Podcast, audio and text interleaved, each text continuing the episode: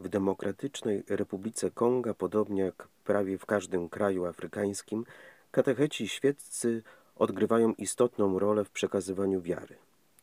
W diecezji Lolo na północy kraju życie kościoła bez nich praktycznie by nie istniało. To oni zachęcają wiernych do wspólnego zbierania się na modlitwie. Wiele z tych parafii obejmuje rozległe obszary z licznymi wioskami, często bardzo trudno dostępnymi. Garstka kapłanów musi pokonać pieszo długie dystanse, aby dotrzeć do mieszkańców wsi.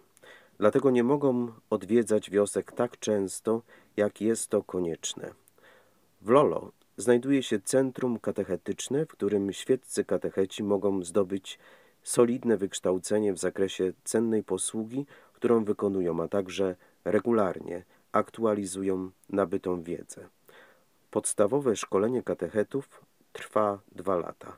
Ponieważ na ogół założyli już rodziny, również ich bliscy uczestniczą w tym dziele. Diecezja zapewnia więc podstawowe zakwaterowanie dla całej rodziny, podczas gdy ojcowie poszerzają wiedzę teologiczną, ich dzieci uczęszczają do szkoły. Diecezja pokrywa koszty, zapewnia materiały dydaktyczne i mundurki szkolne. Kobiety zaś uczestniczą w wielu kursach, na przykład robótek ręcznych, nauki czytania, pisania, także podstawowych kursów biblijnych. Celem jest zapewnienie przyszłym katechetom zarówno teoretycznego, jak i praktycznego szkolenia w zakresie studiów duszpasterskich i głoszenia wiary katolickiej. Dla biskupa Żana Bertina Dongo szkolenie katechetów jest przedsięwzięciem bardzo bliskim jego sercu. Jest przekonany, że ich ulepszona formacja dała nowy impuls diecezji i stanowi źródło inspiracji dla wszystkich. W 1983 roku ojcowie kapucyni otworzyli pierwszą stację misyjną na zachodzie indyjskiego stanu Assam, w wiosce Majerburi i założyli tam szkołę podstawową. W 2012 roku erygowano tam parafię pod wezwaniem świętego Franciszka z Asyżu. Do tego czasu istniała tylko skromna kapliczka, zbyt mała, aby pomieścić rosnącą liczbę wiernych. W rezultacie w niedzielę i we wszystkie ważne święta około stu osób musiało uczestniczyć we mszy świętej stojąc przed kościołem. Wybudowane obok świątyni kolegium pozwala dzieciom z bardziej odległych wiosek kontynuować naukę i zarazem uczestniczyć w niedzielnej Eucharystii. Dzięki hojności naszych dobroczyńców pomocy Kościołowi w potrzebie, ceremonia poświęcenia tego miejsca była wielką i radosną chwilą dla tamtejszej ludności. Jak zapewnia proboszcz parafii świętego Franciszka, ksiądz Katopara, ludzie są silni swoją wiarą i odgrywają aktywną rolę w życiu parafii, ale są zdecydowanie zbyt biedni, aby znaleźć pieniądze na budowę nowego i większego kościoła. Należą w przeważającej mierze do różnych rdzennych grup plemiennych i walczą o własne utrzymanie, zbierając drzewo na opał w lesie i uprawiając warzywa na sprzedaż. Nigdy nie byliby w stanie osiągnąć tego celu sami. W imieniu wszystkich tych ludzi szczerze dziękuję. To kolejna, konkretna pomoc darczyńców pomocy Kościołowi w potrzebie z całego świata.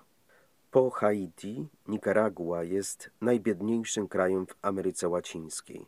Nic więc dziwnego, że Kościół potrzebuje pomocy w wielu miejscach, aby móc wypełniać swoją misję. W 2012 roku na obrzeżach miasta Boaco powstała nowa parafia nosząca wezwanie na cześć wielkiego papieża świętego Jana Pawła II.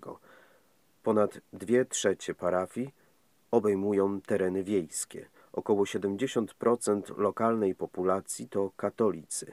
Jest to bardzo żywa parafia. W dni powszednie uczestniczą we mszy świętej w liczbie około 50 osób.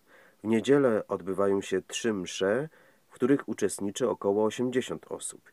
Istnieje również wiele działań duszpasterskich dla dzieci, młodzieży i dorosłych, a liczba wiernych dynamicznie rośnie, między innymi ze względu na ogólny wzrost populacji ludności tego miasta. Obecnie w parafii budowany jest nowy kościół, aby pomieścić rosnącą liczbę wiernych. Ojciec Miguel Rivas jest jednym z najbardziej doświadczonych i najdłużej służących kapłanów Granacie. zgłosił się na ochotnika, aby przejąć tę parafię wraz z tym trudnym i wymagającym projektem budowlanym. Diecezji jest powszechnie uważany za wzór dla innych kapłanów i świeckich. Projekt jest obecnie bardzo zaawansowany, ale potrzebna jest pomoc do prac związanych z dachem i instalacją elektryczną. Ojciec Miguel zwrócił się o tę pomoc do naszej organizacji, aby nowy kościół mógł zostać ukończony tak szybko, jak to możliwe. Pomoc kościołowi w potrzebie przekazało na ten cel 13 tysięcy euro. A teraz przenieśmy się w głąb Amazonii.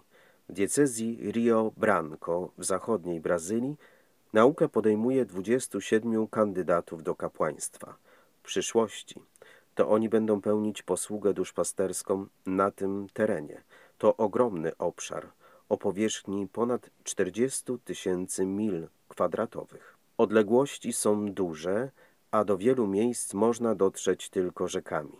Niewątpliwie ich powołanie jest także po części owocem niestrudzonego zaangażowania włoskiego misjonarza, ojca Paulino Blasarindiego, który nawet w wieku 90 lat podróżował łodzią, aby odwiedzać swoich wiernych.